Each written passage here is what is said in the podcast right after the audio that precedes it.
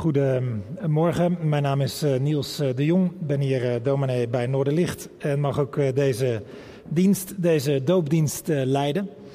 Ehm, en als je wat langer of de laatste weken meekijkt, of je af en toe hier bent in de dienst, dan heb je gemerkt dat we met het Bijbelboek Exodus ehm, bezig zijn. En ook vandaag staan we stil bij een hoofdstuk uit dat Bijbelboek. Um, een van de bekendste, mooiste en heftigste verhalen uit uh, dit Bijbelboek. Dat is het verhaal van Exodus 14. Een verhaal dat ergens ook wel tot de verbeelding spreekt, ook buiten de kerk. Is ook meerdere keren verfilmd.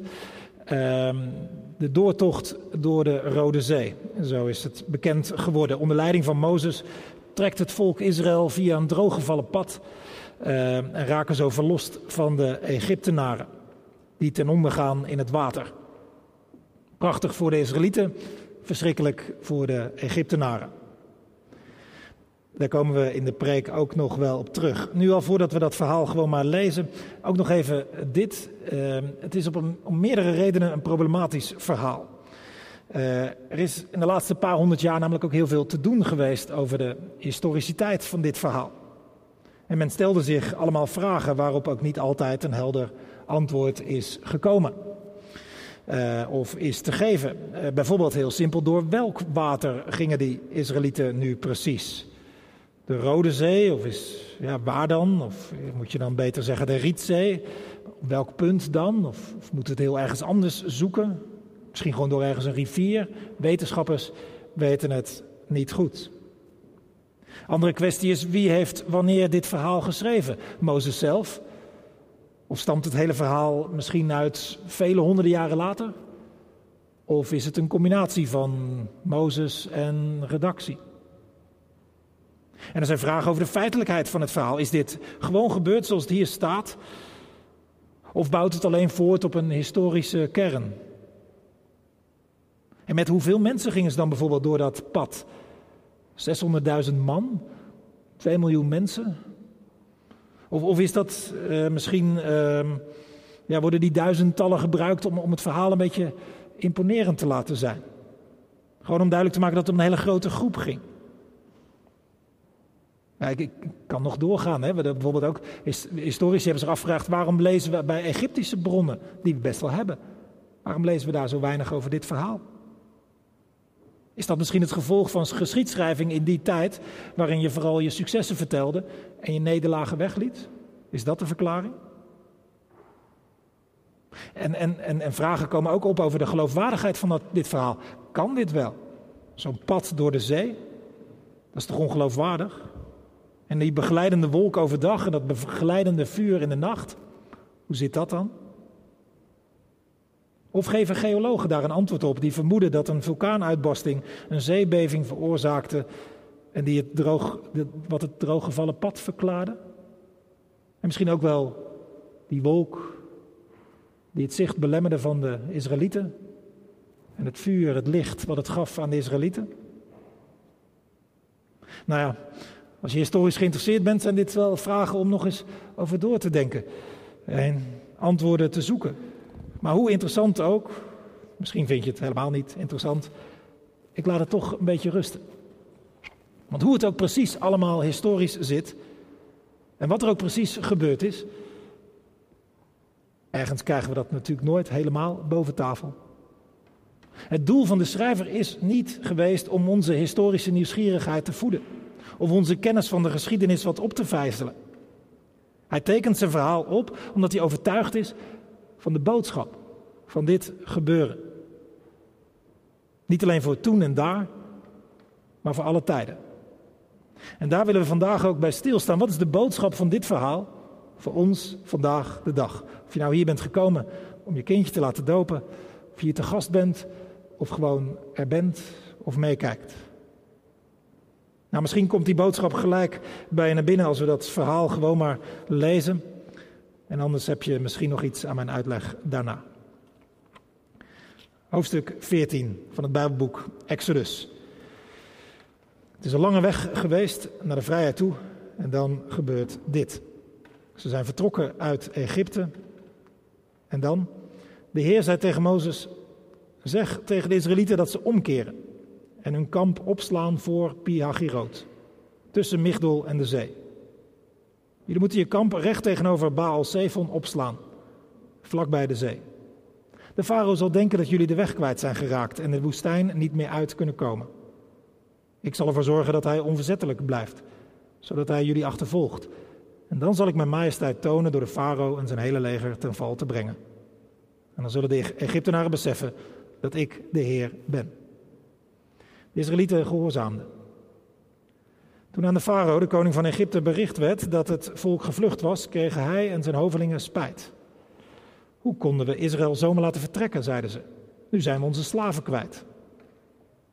De farao liet zijn strijdwagen inspannen en verzamelde zijn krijgsvolk. Hij nam de 600 beste wagens van Egypte mee en ook alle andere, stuk voor stuk bemand met officieren. De Heer zorgde ervoor dat de farao, de koning van Egypte, onverzettelijk bleef, zodat hij de achtervolging van de Israëlieten inzette, die onbevreesd vertrokken waren. De Egyptenaren achtervolgden hen en haalden hen in bij Piagiroot, waar het volk van Israël zijn kamp had opgeslagen. Dicht bij de zee tegenover Baal Zephon. Toen de Israëlieten de farao zagen naderen met al zijn paarden, wagens en ruiters en al zijn voetvolk, werden ze doodsbang en riepen ze de Heer luidkeels om hulp. En ze zeiden tegen Mozes: Waren er soms in Egypte geen graven dat u ons hebt meegenomen om in de woestijn te sterven? Hoe kon u ons dit aandoen? Waarom hebt u ons uit Egypte weggehaald? Hebben we niet al in Egypte gezegd: Laat ons toch met rust. Laat ons maar als slaven voor de Egyptenaren werken, want dat is altijd nog beter dan om om te komen in de woestijn. Maar Mozes antwoordde het volk: Wees niet bang. Wacht rustig af. Dan zult u zien hoe de Heer vandaag voor u de overwinning behaalt. De Egyptenaren die u daar nu ziet, zult u hierna nooit meer terugzien. De Heer zal voor u strijden. U hoeft zelf niets te doen. De Heer zei tegen Mozes: Waarom roep je mij te hulp? Zeg tegen de Israëlieten dat ze verder trekken. Jij moet je staf geheven houden boven de zee en zo het water splijten, zodat de Israëlieten dwars door de zee kunnen gaan over het droog land. Ik zal de Egyptenaren onverzettelijk maken, zodat ze hen achterna gaan. En dan zal ik mijn majesteit tonen door de farao en zijn hele leger, zijn wagens en zijn ruiters, ten val te brengen. De Egyptenaren zullen beseffen dat ik de Heer ben, als ik in mijn majesteit de farao met al zijn wagens en ruiters ten val heb gebracht. De engel van God, die steeds voor het leger van de Israëlieten uit was gegaan, stelde zich nu achter hen op. Ook de wolkolom die eerst voor hen uit ging, stelde zich achter hen op, zodat hij tussen het leger van de Egyptenaren en dat van de Israëlieten kwam te staan. Aan de ene kant bracht de wolk duisternis, aan de andere kant verlichtte de vuurzeil de nacht. Die hele nacht konden de legers niet bij elkaar komen. En toen hield Mozes zijn arm boven de zee en de Heer liet de zee terugwijken door gedurende de hele nacht een krachtige oostenwind te laten waaien. Hij veranderde de zee in droog land, het water spleet. En zo konden de Israëlieten dwars door de zee gaan, over droog land. Rechts en links van hen rees het water op als een muur. De Egyptenaren achtervolgden hen, alle paarden en wagens van de farao en al zijn ruiters gingen achter hen aan de zee in. Maar in de morgenwaken keek de Heer vanuit de vuurzeil en de wolkolom neer op het Egyptische leger en zaaide paniek onder hen. Hij liet de wielen van de wagens vastlopen, zodat de Egyptenaren de grootste moeite hadden om vooruit te komen. Laten we vluchten, riepen ze. De Heer steunt de Israëlieten, hij strijdt tegen ons. De Heer zei tegen Mozes, strek je arm uit boven de zee, dan stroomt het water terug. Over de Egyptenaren en over al hun wagens en ruiters. Mozes gehoorzaamde. En toen de dageraad aanbrak, stroomde de zee terug naar haar gewone plaats. De Egyptenaren vluchtten het water tegemoet. De Heer dreef hen regelrecht de golven in. Het terugstromende water overspoelde het hele leger van de farao, al zijn wagens en ruiters die achter de Israëlieten aan de zee ingereden waren. Niet één van hen bleef in leven. Maar de Israëlieten waren dwars door de zee gegaan, over het droog land, terwijl rechts en links van hen het water als een muur omhoog rees. Zo redde de Heer de Israëlieten die dag uit de handen van de Egyptenaren. En toen ze de Egyptenaren dood langs de zee zagen liggen en het tot hen doordrong hoe krachtig de Heer tegen Egypte was opgetreden, kregen ze ontzag voor de Heer en stelden ze hun vertrouwen in Hem en in zijn dienaar Mozes. Amen. In deze uh, coronatijd heb ik, uh, net als vele anderen, eerder te veel dan te weinig uh, Netflix gekeken. En nu heb ik zelf een voorkeur voor series die, waar ik linken met het christelijk geloof in vermoed. Het zal beroepsdeformatie zijn. Maar een tijdje terug stuitte ik op de serie De Vol. Vermoedelijk denken de meeste mensen dan alleen maar aan de val. Of dat iemand valt. Maar als theoloog denk ik dan gelijk aan wat wij in het Nederlands de zondeval noemen. Het verhaal uit het begin van de Bijbel waar de zonde en daarmee het kwaad haar intrede doet in deze wereld. Nou, in deze serie gaat het zeker over zonde en kwaad. En opvallend genoeg niet alleen bij de slechterikken in de serie. Bijna iedereen die een rol van betekenis heeft in deze film blijkt zijn of haar kwaad te kennen. Zeker ook degene die aan het hoofd staat van de goede rikken. Zij kent ook zo haar duistere kanten. Maar iedereen eigenlijk. Ook de slachtoffers in de film, in de serie, tragische slachtoffers, maar allemaal ook met slechte kanten, duistere kanten. Ik vermoed dat de makers van deze serie willen zeggen: iedereen is gevallen. Overigens, in de serie heeft ook iedereen zijn goede kanten. Zelfs de enorme slechterik om wie de serie draait, heeft zijn goede kanten en doet goede dingen. Hij is bijvoorbeeld een liefhebbende vader en uh, ook in zijn werk helpt hij soms mensen. Maar, maar de slechte kant in de serie heeft enorm de overhand. De slechte kant van mensen. En er wordt benadrukt, iedereen is gevallen. Ergens noemt een politiecommissaris dat what a fall from grace. Wat een zondeval. Mooie, mooie typering van de zondeval. Dat, dat noemen die Engelsen blijkbaar dat je valt uit Gods goedheid. Dat is zonde. Als je uit Gods goedheid stapt. En daarmee kom je in het kwaad terecht. De Vol is niet de enige serie die de slechtheid van mensen toont. Ik zou bijna zeggen, onze tijd is daar bijzonder goed in. Ik lees helemaal niet zoveel romans of thrillers. Maar als ik ze lees, word ik er zelden vrolijk van. De slechtheid van mensen wordt in vele kleuren zwart geschilderd. En het Exodus-verhaal toont ook het kwaad in al zijn lelijkheid. Dat hele Exodus-verhaal laat ook zien hoe het kwaad werkt, hoe het kwaad zich vastzet. Vooral bij de, bij de farao en zijn hof. Maar ook de mensen die aan de goede kant van het verhaal staan, de Israëlieten en Mozes, ook zij hebben zo hun slechte kanten. Zij zijn gevallen. Ook, ook de Israëlieten weer in dit verhaal. Ze zijn nog maar net ontsnapt uit Egypte. Dankzij allerlei bovennatuurlijke ingrepen. Vrij. Of in ieder geval op weg op, naar hun vrijheid. En, en ze beginnen alweer te schreeuwen van angst en hun woede af te reageren op Mozes. Maar het toonbeeld van het kwaad in dit verhaal is natuurlijk de farao. En in hem zie je dat het kwaad irrationeel is, lelijk, hardnekkig en niet wil loslaten. Het kwaad wil mensen klein krijgen en klein houden. Het kwaad heeft de farao ook zelf in zijn greep. Hij is hij wordt er helemaal door beheerst. En als je dan nog even bedenkt dat we in het tweede Bijbelboek van de Bijbel zijn.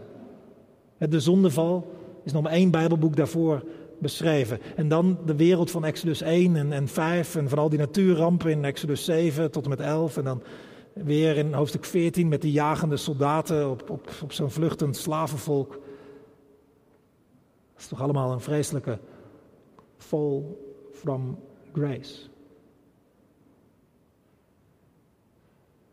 Maar die wereld van Exodus is ook onze wereld. Ook wij kennen vluchtelingen die, die wanhopig wegrennen van tirannen. Ook wij kennen mensen die achtervolgd worden omwille van hun geloof, geaardheid of ras. Of denk aan, aan Peter R. Vries, iemand die recht en waarheid boven tafel wilde krijgen.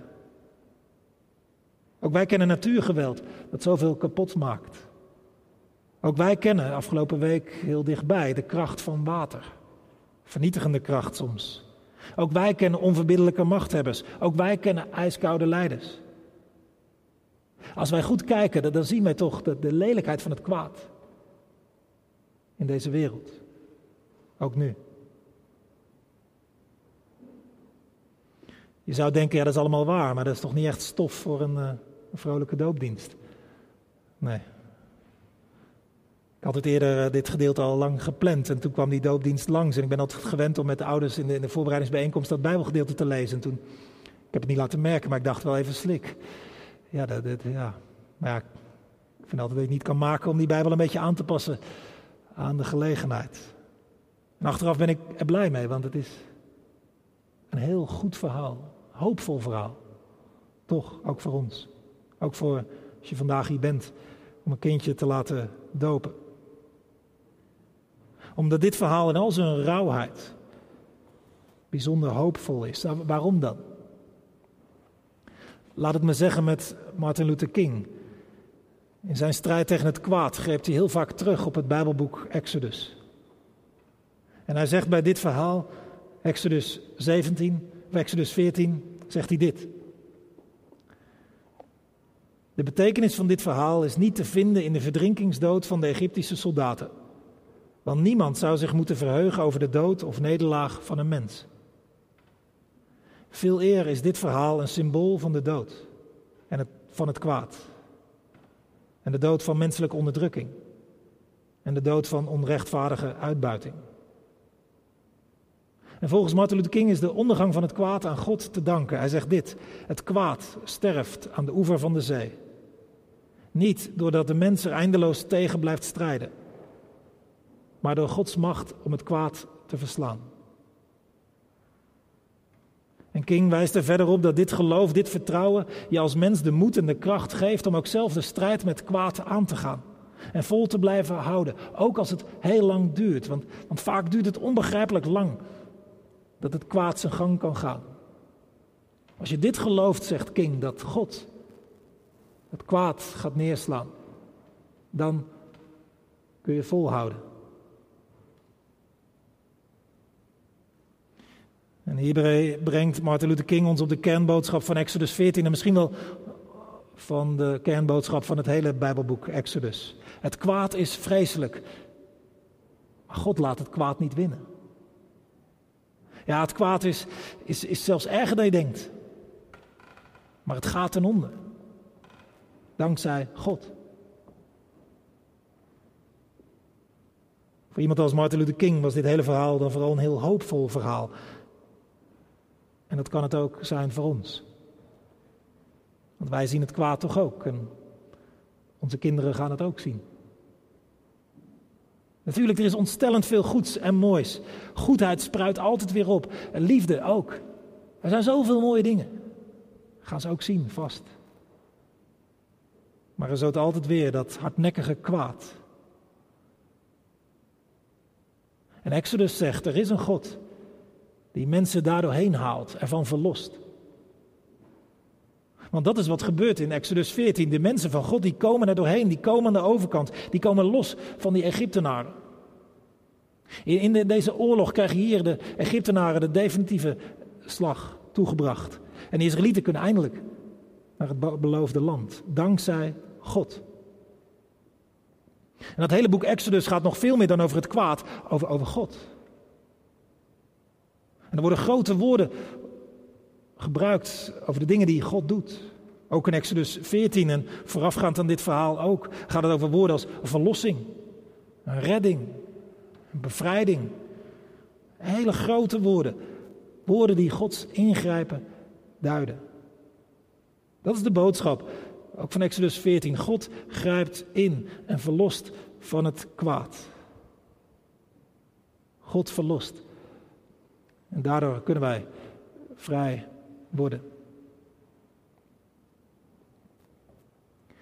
In, vlak voor dit verhaal had, uh, had God tegen Mozes gezegd: wat, wat ik ga doen, dat moeten jullie straks wel doorvertellen aan jullie kinderen. Dat is belangrijk. Vertel het door aan de volgende generaties. Zodat ze het nooit zullen vergeten. Dat ik zo ben. Dat ik dit doe. Dat moeten ze weten. Dat is denk ik ook aan jullie. Om je kinderen hiervan te vertellen. Dat er iemand is. God. Die ingrijpt, die het kwaad niet eindeloos door laat gaan, maar die, die verlost. bevrijd. En het beste kun je dat vertellen door gewoon maar al die verhalen te lezen. Voor te lezen, te laten lezen. Want zoveel verhalen gaan daarover. Dat er inderdaad kwaad is, maar dat God verlost. natuurlijk het verhaal van Jezus. Die kwam om te verlossen van het kwaad. Het verhaal van Jezus. Moet je zeker vertellen. Want dat is de beste hoop die je ze kunt bieden. En als, als, als jullie kinderen dit in hun rugzak hebben, dat de God van Exodus er is, leeft, dan zullen ze hoopvol blijven. Welk kwaad ze ook in hun leven tegenkomen, waar ze ook van zullen horen, wat er ook zal gebeuren, welke kant het met de wereld ook opgaat. Ze zullen mensen zijn, als ze dit in hun rugzak hebben houden, dan zullen ze mensen zijn die weten, er is iemand die machtiger, groter, sterker is dan het kwaad. God. En hij zal ermee afrekenen. Hij laat het kwaad niet oneindig zijn gang gaan, maar verlost. Ja, die verlossing van God, daar zegt dit verhaal heel veel over. ik, ik, noem vier dingen heel kort. Ik zou alle en één wat uitgebreider, maar ook niet heel veel. Ik, ik, zou er nog veel meer over kunnen zeggen, maar ja, dat, dat gaat niet. Heel kort, dat het lang kan duren voordat er verlossing komt, dat zegt dit verhaal ook. In Exodus duurt het echt heel lang voordat het ingrijpen van boven komt. En toch komt het. Zoals God het had beloofd. Dit verhaal zegt over verlossing dat het vaak komt als je het niet meer verwacht. Mozes lijkt de enige te zijn die er nog geloof in heeft. De rest schreeuwt van angst. En toch kwam de verlossing. Deze verlossing in Exodus 14 heeft iets van ternauwernood. Zo is dat. Verlossing van kwaad, dat is niet iets goedkoops of makkelijks. Hier ook, dat zou de andere kant op kunnen lopen, maar God dank. De verlossing kwam. Ternauwernood. Dit verhaal zegt dat de verlossing dwars door de zee gaat. De zee is ook een beeld ehm, in de Bijbel van chaos. Van iets waar je zomaar ten onder in kunt gaan. Maar dat gebeurt niet. De verlossing kwam door de zee heen. En als vijfde zegt dit, dit verhaal, de verlossing komt van buiten, van boven. Het is overduidelijk dat de Israëlieten er niet op eigen kracht uit kunnen komen. Niet onder vandaan kunnen komen. Het kwaad is zo naar, hardnekkig, groot en slecht. De Israëlieten kunnen er niet tegenop, dat, dat, dat, dat merk je. Aan alle kanten. En toch worden ze verlost door iemand van boven. Laten we het laatste nog even doordenken. Verlossing komt van boven en van buiten ons. Als je vrij wil worden, als je verlost wil raken van kwaad, van wat alles wat neerdrukt en klein maakt, of dat nou zonde is, of kwaad of dood of wat dan ook, als je vrij wilt worden, moet je verlost worden. En dat kun je niet zelf. Dat is in onze tijd, dat laatste is lastig. Ik las een, boek van David Brooks. Kijk niet alleen Netflix, wees gerust, ik lees ook nog wel eens een boek. Uh, David Brooks, een New York Times uh, columnist. De Tweede Berg. Een aanrader trouwens. Ook eens om hem door te geven. Die, die heeft het ergens ook over verlossing. En zijn familie, zijn Joodse familie, kwam van ver. En ze hadden natuurlijk uh, in de Tweede Wereldoorlog ook allerlei verliezen geleden. Een deel van de familie had dat ontlopen of was er van op tijd weggevlucht. En in de, in de Verenigde Staten terechtgekomen met, met lege handen. En dan moesten ze een nieuw bestaan opbouwen. En die voorouders van David Brooks hadden de conclusie getrokken dat je het alleen kon redden via hard werken. Brooks zei, wij, wij lazen wel die oude verhalen, het Exodus-verhaal dat God verlost. Hij zei, wij, wij, wij gingen iets anders doen in onze familie. Wij gingen hard werken. Heel hard werken om omhoog te komen. Want die conclusie hadden ze getrokken. Dat was de enige weg omhoog. Daar hadden ze verlossing van verwacht. Al dus Brooks. En zoveel denken dat nu toch ook. Misschien jij of ik onbewust ook wel. Hard werken is de oplossing, zo kom je eruit. Wat je problemen ook zijn. Anderen denken misschien vooral dat je eruit komt, dat je kwade dingen ontloopt, als je maar slim genoeg bent. Of maar genoeg wilskracht hebt, of nou ja, dan kun je het redden. Maar je moet het wel zelf doen. Dat is de algemene teneur. Je moet het zelf doen. En dat idee kun je, kun je, kun je lang vasthouden. Zeker als je uh, geluk hebt dat je een sterk gestel hebt en zo. En dat je, je goede mensen om je heen en zo. Dan kun je dat lang volhouden. Dat je het zelf kunt doen, kunt maken in het leven. Totdat je voor de Rode Zee staat. En vroeg of laat komen we denk ik daar allemaal te staan. Zijn zulke problemen levensgroot geworden? Of is er kwaad dat ons bedreigt? Of dingen uit het verleden die ons te nakomen, die ons inhalen? Schuld uit het verleden dat, dat opkomt of wat dan ook. Op een gegeven moment is ook de dood in aantocht. En dan sta je daar voor de Rode Zee met al je harde werken. En met je IQ. En met je skills en met je looks. Maar daar heb je natuurlijk niks aan. Dan sta je met lege handen, toch? Je hebt dan iemand nodig die je er doorheen gaat halen. Door die Rode Zee heen. En als mensheid denk ik dat we ergens ook voor zo'n Rode Zee staan, toch? En de problemen zijn levensgroot. Het kwaad is om wanhopig van te worden. Een weg eruit is niet te zien. En we zien zoveel zorgwekkende ontwikkelingen in de samenleving. Dat, we, dat, we, dat, dat veel mensen ook een beetje wanhopig worden als, als ze denken aan volgende generaties. Jullie misschien ook wel eens. Hoe zal dat later zijn voor je kinderen als zij volwassen zijn of ouder worden? En we weten als mensen toch niet meer zo goed hoe we, hoe we hier nog uit kunnen komen. Hoe we dit kunnen oplossen.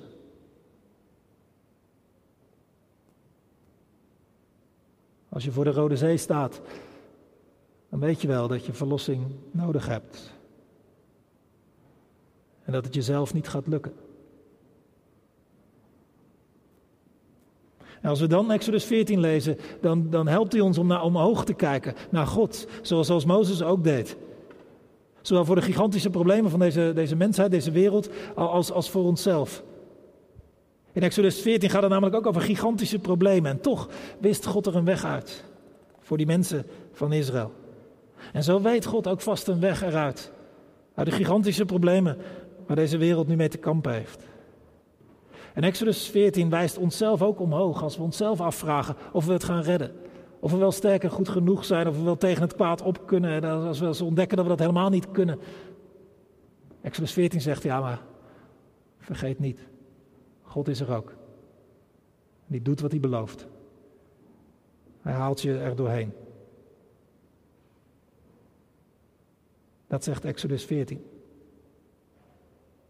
Hij haalt je er doorheen. Waar je zelf niet doorheen kunt. Hij verlost. Zoals Jezaja zegt, legt hij, eh, het hoort hij van God, dat God zegt in Jezaja, al moet je door vuur, al moet je door het water, ik ben bij je. Nou, daarvan mogen Gijs, Marit en Vivienne ook verzekerd zijn. De doop is daar het teken van. Ergens gaat een kindje bij de doop ook door het water, maar wordt eruit gehaald.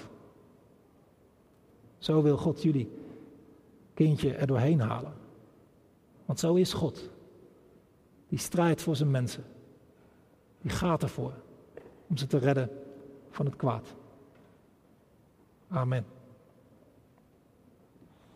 Voordat uh, de kinderen uh, binnenkomen, zal Josina nog een toelichting geven uh, waarom ze hier staat of is. Staat hij Ja, denk het wel.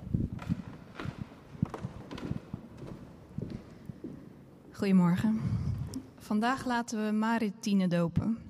Marit is vernoemd naar haar oma, die haar straks binnenbrengt, haar overgrootoma en zelfs naar haar bedovergrootoma, de moeder van oma Dijkstra, die vandaag ook hier is.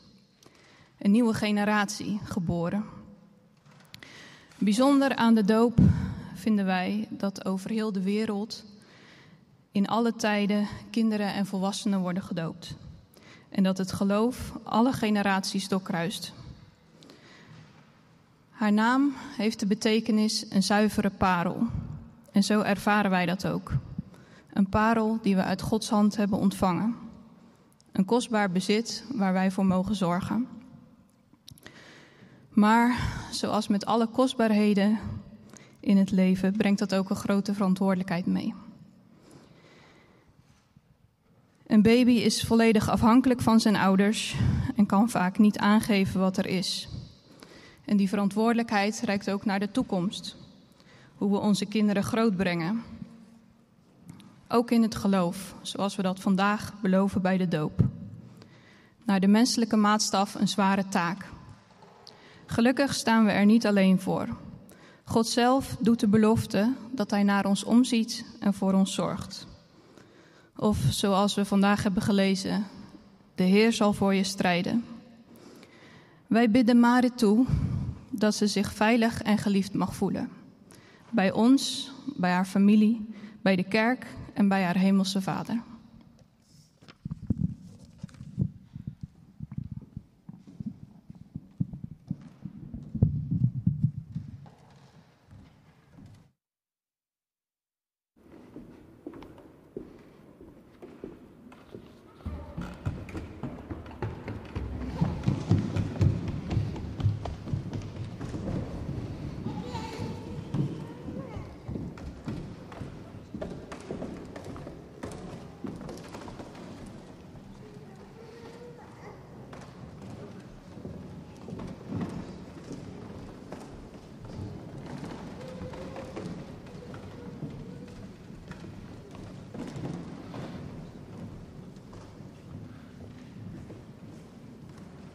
Mij zijn we compleet.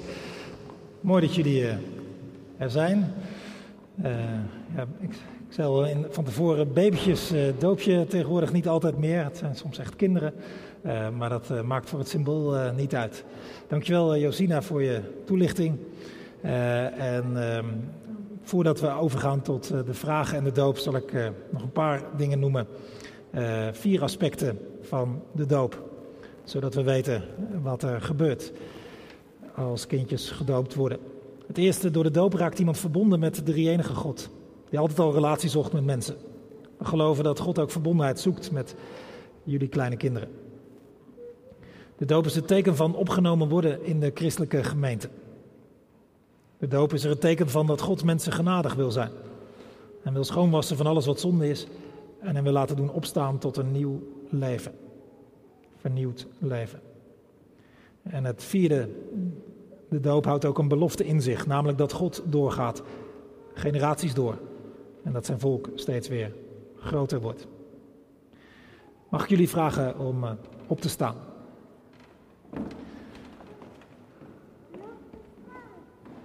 Ik lees eerst uh, de vragen in één keer voor en daarna zal ik jullie ombeurten vragen uh, antwoord te geven. En dat doen we op alfabet. Geloof je dat de Bijbel het woord van God is, waarin hij zich laat kennen als God de Vader, God de Zoon en God de Heilige Geest? Zoals dat ook samengevat wordt in de apostolische geloofsbeleidenis. Geloof je dat je kind door Gods genade als lid van zijn gemeente mag worden gezien? En dat God hem of haar wil opnemen in zijn verbond? Beloof je en neem je voor je rekening dit kind van wie je vader of moeder bent geworden, bij het opgroeien met het geloof in de Bijbel op te voeden. En hiermee te onderwijzen en hierin te laten onderwijzen. Beloof je hen te willen voorgaan in geloof, hoop en liefde. Mag ik eh, de familie eh, Olie en Overbeke vragen om even te zitten? Jan-Willem en Geertje, jullie hebben de vragen gehoord. Wat is jullie antwoord voor de mensen hier, de mensen die kijken, maar bovenal voor God. Mag ik jullie uitnodigen om bij het doopvond te komen?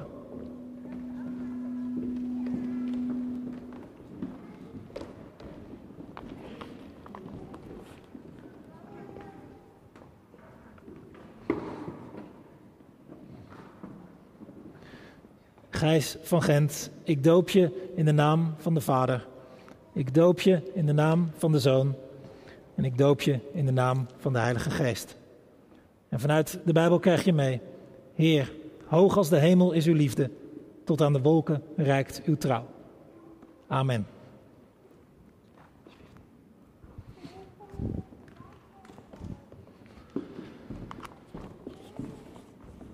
Tjeerd en Josina. Ook jullie hebben de drie vragen gehoord. Wat is voor al deze mensen hier, de mensen die meekijken uh, of later luisteren, bovenal voor God jullie antwoord? Mag ik jullie uitnodigen om bij het doopvond te komen?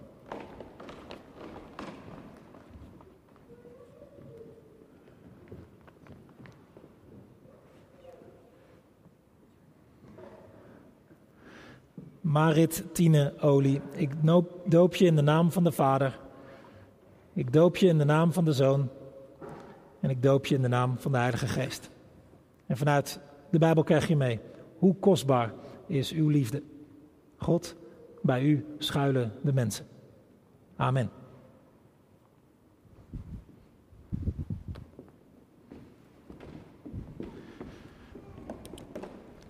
Ik heb één eh, foutje gemaakt. Ik heb alleen Vivienne, maar volgens mij heeft ze nog meer namen. Oh ja. Ja, ik moet toch even goed doen, hè? Ja. Kleine administratieve handeling. Mag ik jullie vragen om uh, op te staan? Tom en Caroline, uh, ook jullie hebben de vragen gehoord. Wat is voor al deze mensen hier, de mensen die meekijken of luisteren, en bovenal voor God, jullie antwoord? Mag ik jullie uitnodigen om bij het doopvond te komen?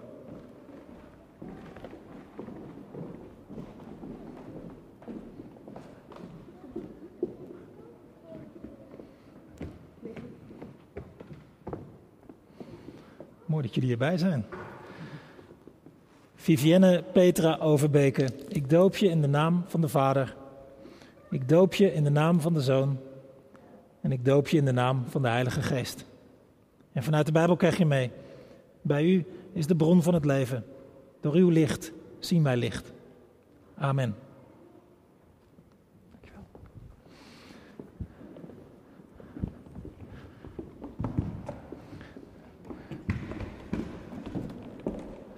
Nou ben ik ook eh, blij dat er wat 4-plus eh, eh, kinderen bij zijn. En als ik jullie zo zie, dan denk ik dat jullie een cadeautje bij hebben. Ja. En ik, volgens mij drie kinderen van jullie hebben een taak. Ik zou zeggen, geef ze maar aan de ouders en wie ze horen.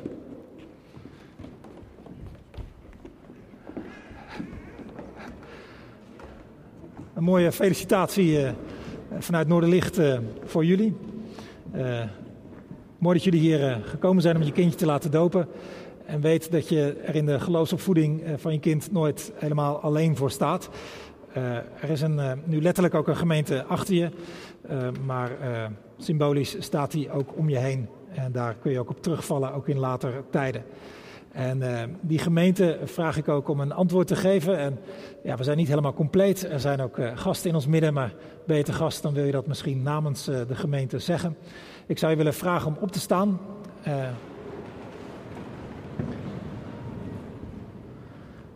en antwoord te geven op de volgende vraag. Willen jullie deze kinderen die vandaag gedoopt zijn in liefde ontvangen en gedenken in de gebeden en hen en hun ouders omringen met jullie zorg? Wat is hierop jullie antwoord? Dank jullie wel. Blijf gerust staan, want we zingen deze ouders en hun kinderen een zegenlied toe. We zingen nog uh, twee nummers en u uh, mag meezingen deze twee nummers.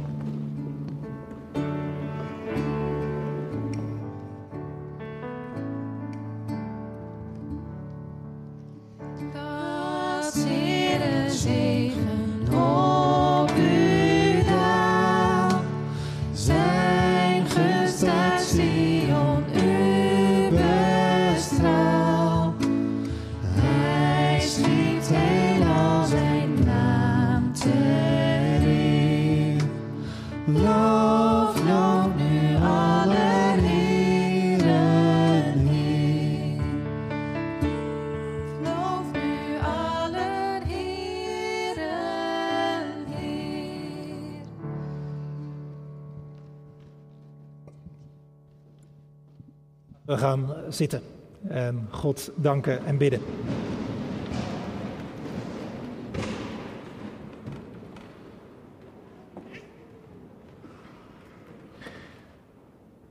Heere God, eh, dank u wel voor dat u een God bent die zich verbindt aan mensen. die uw, uh, uw naam aan een kind verbindt, uw naam erop legt. Dank u wel dat u zo bent. Dat u ook bij Vivienne, Marit en Gijs uh, teken van de doop wilde geven. Zodat u zichtbaar wilde maken dat wat u betreft ze erbij mogen horen. Dat u ze er graag bij wilt hebben. Dat u met ze mee wil gaan. Ook in het ouder worden. Dat u om ze geeft. En dat u ook in Jezus zo ver bent gegaan om hen te verlossen. Dank u wel dat u zo bent. Voor ieder van ons zo wilt zijn. Wij danken u dat u bent gekomen, hebt ingegrepen. In het boek Exodus hebben we daarvan gelezen. In Jezus zien we dat nog veel meer. Dat u niet het kwaad maar zijn gang hebt laten gaan, maar dat u het een halt hebt toegeroepen. Dat u hebt ingegrepen, verlost, gered. Dank u wel. Geef dat we naar u zullen blijven kijken. Ook als het spannend is, ook als het moeilijk is, ook als het, het, het lastig valt en we alleen maar water zien en niet weten hoe we daar doorheen moeten komen. Wees u dan bij ons en geef ons het geloof en het vertrouwen dat we nodig hebben om op u te hopen, u te wachten. Dat u ons er wel doorheen zult halen. Begeleid ons ook door onze weg door het leven.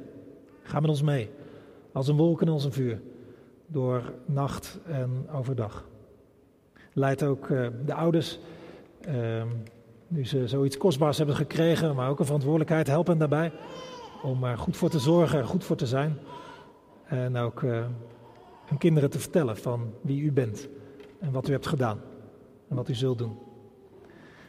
Wees ook ons als gemeente, helpt u ons om een kerk te zijn waar kinderen het uh, eigen kunnen maken wie, wie u bent en wat u hebt gezegd en gedaan. En dat kinderen geholpen worden om u te leren vertrouwen. Om te geloven, om te hopen, om lief te hebben. Zo bidden we dat de hoop die het Bijbelse verhaal biedt, vele mensen zal um, bereiken. Uh, als zoveel mensen alleen ja, een beetje lam geslagen worden door het kwaad, of er wanhopig van worden, of maar niet te ver vooruit kijken omdat ze dat niet durven. Wij willen u bidden dat veel mensen u op de een of andere manier zullen zien en leren kennen als een God met wie je hoop kunt hebben en houden. Hoe lastig het er ook voor staat. Wij bidden u voor deze wereld, uh, waar we ergens ook voor de Rode Zee staan. Um, sommige mensen uh, vermoeden dat het al twaalf uur geweest is. Sommigen denken dat het er nog net voor is. In ieder geval ter nauwe nood. Uh, we willen u bidden of u wil beschermen, helpen, er doorheen wilt halen. Zeker de mensen die het, die het allermoeilijkst hebben. Ontfermt u zich over hen. En daar waar het kwaad zich het grootst heeft gemaakt. Verlos, bevrijd, ook nu nog en nu al. Zo komen we uh, bij u. Um, en uh, bid u dit in Jezus' naam. Amen. Uh, het laatste lied, uh, met ook allerlei zinnetjes die uh, doen denken aan het verhaal wat we gelezen hebben en aan het boek Exodus. Eh, je mag gaan staan en als je wil meezingen.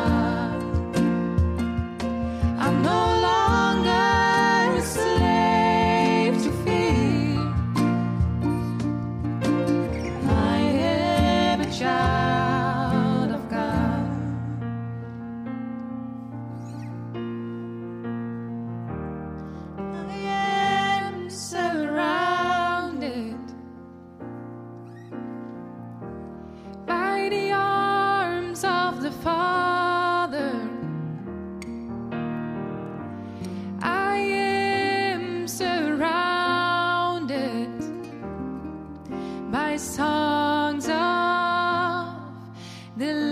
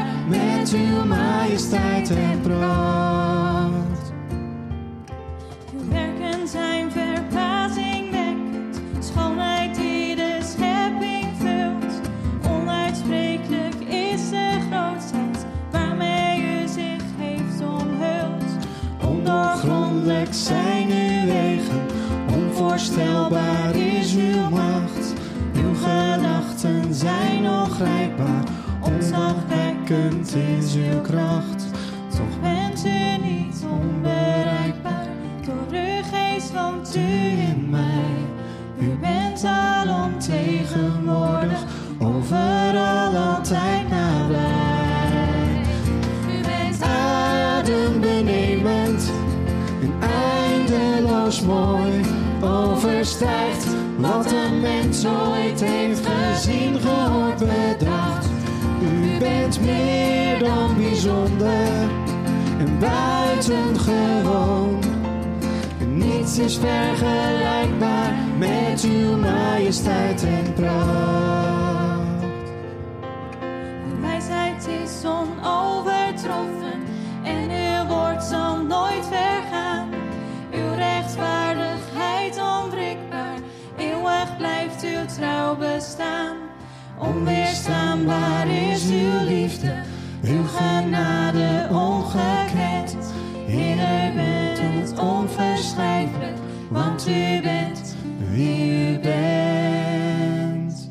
U bent adembenemend, eindeloos mooi, overstijgt wat een mens ooit heeft gezien, gehoord, bedacht. U bent meer dan bijzonder en buitengewoon. En niets is vergelijkbaar met uw majesteit en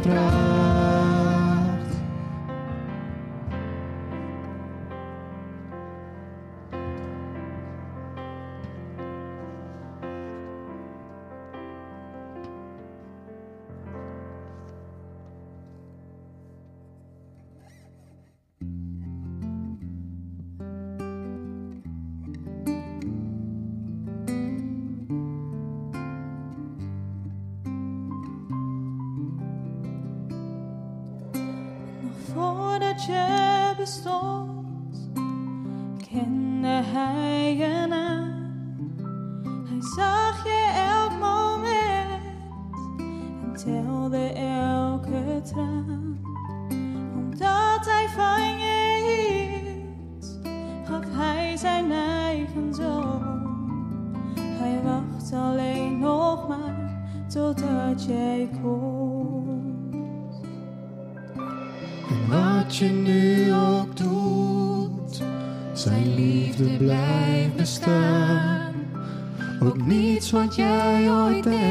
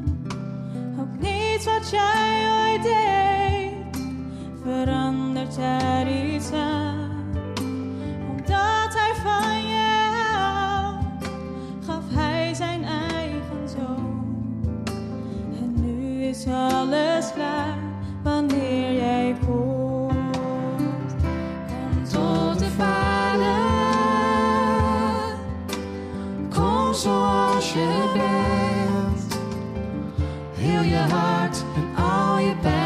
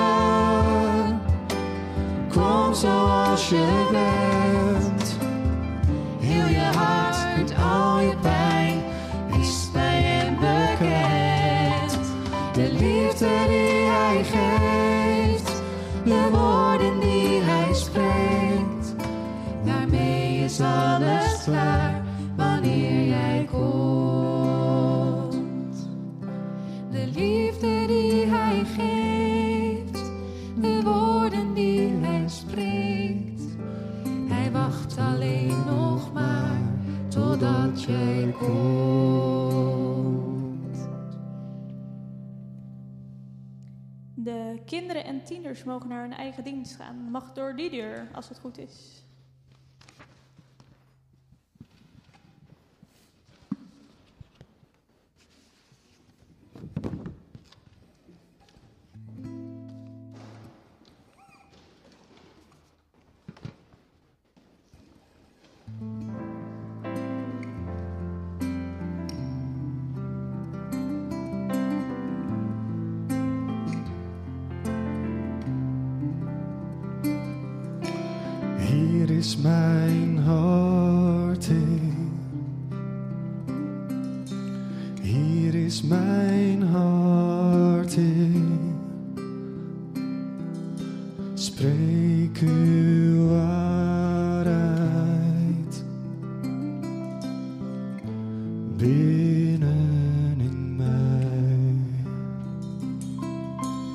Hier is mijn hart in.